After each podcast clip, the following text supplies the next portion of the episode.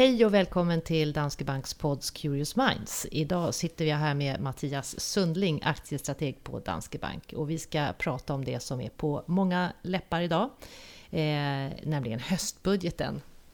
Välkommen Mattias! Tack så mycket!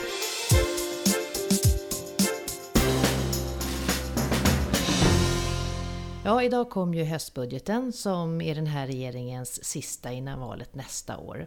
Och eh, det är en otroligt generös budget där dryga 40 miljarder kronor ska pumpas in i nya reformer och skattesänkningar.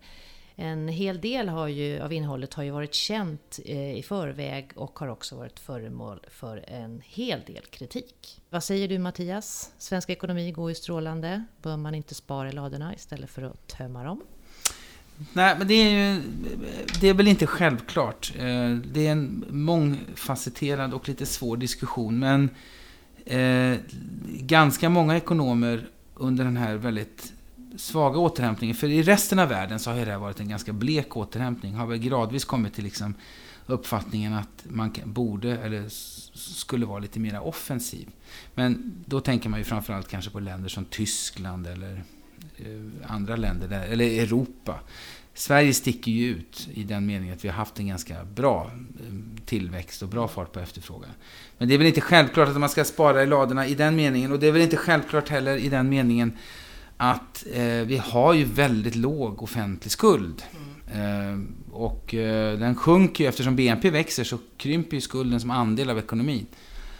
Vad man däremot skulle väl då kunna rikta in sig mot det är att om man nu ska sätta sprätt på så här mycket pengar så kanske man skulle göra det med reformer som är lite mer strukturellt vad är det för typ av, alltså det pratas ju om att det här är en valfläskbudget, men vad är det för typ av reformer som, som du ser som skulle kunna gynna svensk ekonomi på lång sikt? Jo, men man kan säga så här, det är ju en valfläskbudget.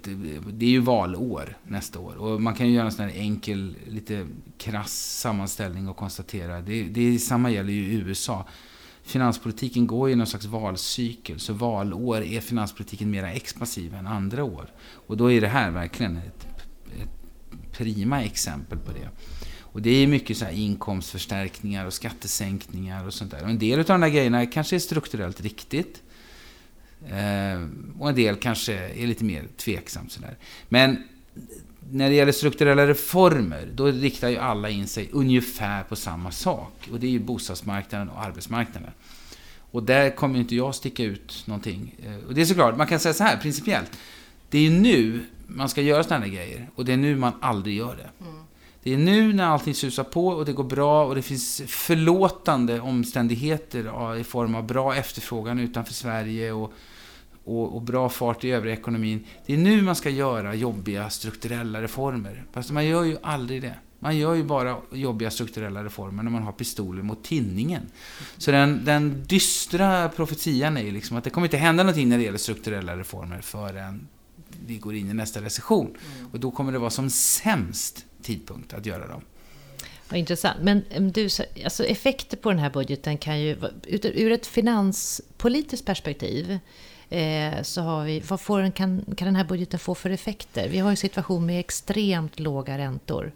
Ja, just det. Men, men eh, om, vi tänker, om vi uttrycker oss i termer av finans, det som kallas för finanspolitiska effekter. Ja som är ett sätt att försöka kvantifiera vilken effekt finanspolitiken har på ekonomin. Och då bortser man också ifrån liksom bara de rena cykliska grejerna.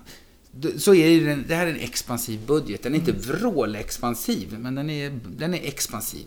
Ändå så bedöms det som en jätteexpansiv Jo, men det är mycket stora tal och sådana där saker. Men eh, det är ju en del det är en del skattehöjningar också.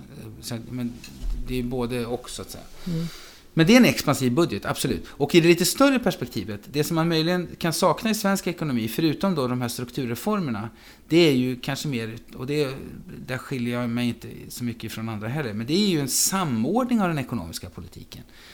För den består ju av struktur, den består av finanspolitik och den består av penningpolitik. Och eh, precis som du säger då, nu är ju penningpolitiken på extremt expansiv. Så allt annat lika så ska ju, om finanspolitiken plötsligt blir tydligt mer expansiv så ska ju faktiskt penningpolitiken stramas åt lite grann.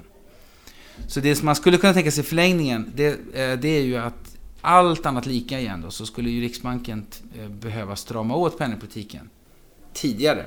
Mm. I hur, hur skulle man kunna strama åt den? Ja, det är ju då att man ska börja med att göra det som kallas för tapering, alltså att man ska eh, minska på QE. Och Q, QE är ju då att, ja, QE är att man trycker pengar ur tomma intet och köper eh, statsobligationer.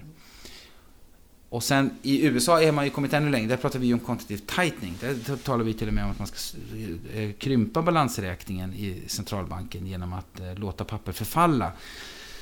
Eh, så, så, och ännu längre bort då så pratar man om en räntehöjning. Men det hade nog varit aktuellt ändå tror jag. För att ECB är redan inne på det. Så Riksbanken kommer att följa efter tidigare än... Du tror det? Ja, ja det, det tror jag absolut. Mm. Men det är klart, det blir ju ett ännu bättre argument för Riksbanken att göra det i och med den här åtgärden. Eller i och med den här budgeten. Det är det stora makroperspektivet. Ja. Men oftast när det handlar om budget så, i alla fall i media inte minst, så är det mycket plånboksfrågor. Ja. Eh, men hur är det med företagen egentligen? Gynnar den här budgeten till exempel storbolag på börsen? Vad är din kommentar till det? Uh, nej, det tror jag väl egentligen inte att den gör. Jag, om inte jag har missat någon specifik grej då så. Men jag kan inte se eller dra mig till... Alltså, det är väl ingen höjdare att man eh, lägger... Man förändrar ju skattesatser på bilar. Mm. Så, men nu är ju inte Sverige världens största bilmarknad, men det är såklart att det, det förändrar ju för noterade bolag eller tillverkare utav mm. bil. Den sektorn påverkas ju, likaså flygbolag naturligtvis. Påverkas ju. Men återigen, Sverige är ju inte den enskilt största marknaden i det avseendet heller. Men eh, mm. det har väl en effekt. Vad är nästa steg här nu då? För... Nej, men jag vill bara avsluta på den frågan. Ja. Annars så får man säga att eh, alla bolag, stora som små, gynnas väl av att efterfrågan ökar. Så I den meningen så påverkas de ju. Mm. Men det är inte några direkta effekter eller åtgärder som jag har sett. Kommer allt det här infrias nu? Ja, det, det ja, det är en bra fråga för sig. Men det får vi anta att det mesta av detta, eller allt av detta, är mm. dels förankrat hos deras samarbetspartners och dels inte så kontroversiellt att politiska motparterna är beredda att sänka budgeten på grund av det.